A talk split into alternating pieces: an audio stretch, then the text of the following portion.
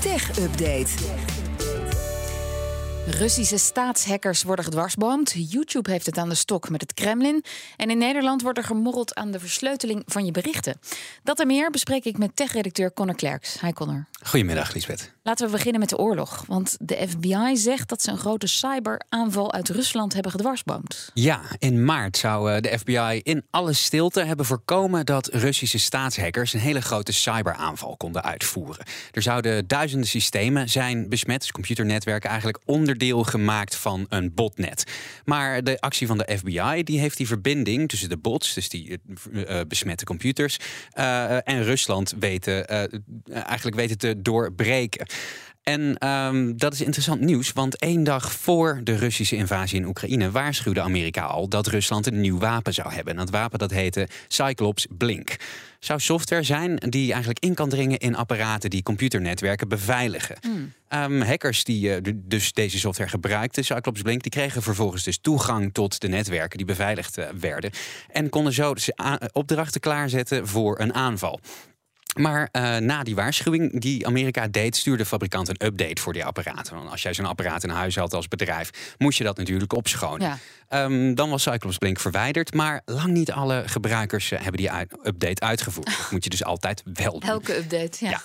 En uh, daardoor bleven een heleboel apparaten toch besmet. En, en, dan wordt het interessant, want een rechter heeft uh, daarom geoordeeld dat de FBI in alle stilte die niet geüpdate apparaten mocht gaan opschonen. Dus buiten de gebruikers om. Okay. Dus je wist niet eens dat het aan de hand was, maar de FBI die loste dat probleem voor jou op. Dan werd die software verwijderd en instellingen werden zo aangepast om toegang te voorkomen. Maar dat is nogal een ingreep. Dat is inderdaad best wel bijzonder, maar ja, in dit geval uh, lijkt het wel goed nieuws. Want Cyclops Blink lijkt voorlopig dus onschadelijk gemaakt te zijn. Die systemen die zijn in sommige gevallen nog wel besmet, maar die Russische hackers kunnen ze niet meer overnemen.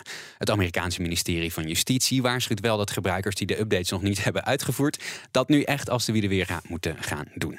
Ja, en die hackers, Russische staatshackers noemde ik ze al. Weet je wie ze precies zijn? Ja, het zou gaan om Sandworm. Die uh, groep die wordt ook wel Voodoo Bear genoemd. En dat zijn hackers die zijn in dienst van uh, de Russische militaire inlichtingendienst, de GRU. En Sandworm die kennen we nog van eerdere aanvallen. In 2015 bijvoorbeeld zouden ze delen van het Oekraïense elektriciteitsnet hebben platgelegd met een cyberaanval. En twee jaar later vielen ze Oekraïense bedrijven aan met gijzelsoftware. En dat uh, kreeg ook een Nederlands randje, want die software verspreidde zich ook naar buiten, waardoor er twee sorry, containerterminals in de Rotterdamse haven plat kwamen te liggen. Oké, okay, nou dus ze zijn bekende eigenlijk. Inderdaad, ja. ja. En dan blijven we nog even in Rusland, want uh, ze nemen strafmaatregelen tegen Google. Ja, het gaat om uh, Roskomnadzor, dat is de Russische mediatoezichthouder. Zij geven Google straf vanwege het verspreiden van wat Rusland nepbeelden van de oorlog in Oekraïne noemt. En die waakhond die stelt dat uh, Google daarmee de Russische wet overtreedt. Oh, dan moesten ze misschien beelden van die speciale militaire operatie precies, noemen. Precies, ja. precies. En wat voor soort straf wordt dat? Nou, het wordt Russische bedrijven verboden om nog te adverteren op platforms van Google. Denk de zoekmachine zelf, maar ook bijvoorbeeld YouTube. Roskomnadzor die noemt uh, YouTube een van de belangrijkste platforms die nepbeelden verspreiden over het verloop van de mm, speciale militaire operatie van Rusland in Oekraïne. En uh, Google en Rusland, dat is al wat langer een beetje een. Uh, ja, dat rommelt al wel een ja. tijdje. Met name YouTube staat al een tijdje onder zware druk van Rusland. In Rusland tenminste. Roskomnadzor had eerder geëist dat Google zou stoppen met het weergeven van advertenties met informatie over de oorlog die het Kremlin onjuist noemt. En Google heeft daarom uh, begin vorige maand zelf besloten om helemaal geen advertenties meer te verkopen in Rusland. En dan naar Nederland. Een uh, beetje alarmerend bericht. Encryptie staat onder druk. Ja, het klinkt, uh, zo, als je het zo ja. zegt, inderdaad een beetje alarmerend. Dit is een uh, dossier wat al langer speelt. Maar de overheid die kijkt eigenlijk nu naar technische mogelijkheden... om toegang te krijgen tot versleutelde informatie. Security.nl schrijft daarover vanmiddag. Minister Jezielgus van Justitie en Veiligheid... zij stelt dat een technische oplossing... waarmee opsporingsdiensten toegang zouden kunnen krijgen... tot versleutelde informatie... bijvoorbeeld appjes tussen jou en mij over Signal of over WhatsApp bijvoorbeeld...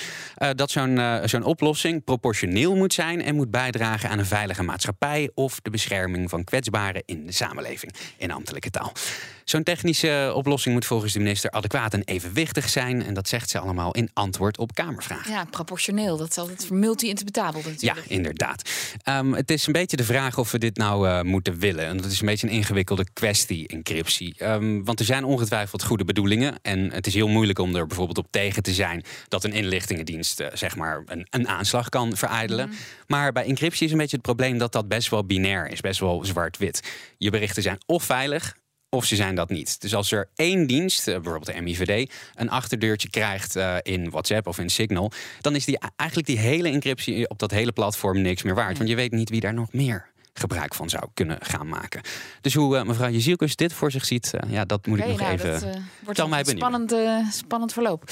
Um, dan nog nieuws over de Play Store, de appwinkel van Android. Ja, Google gaat apps in de Play Store verbergen als ze langer dan twee jaar geen update hebben gehad. Daar schrijft nu.nl vandaag over.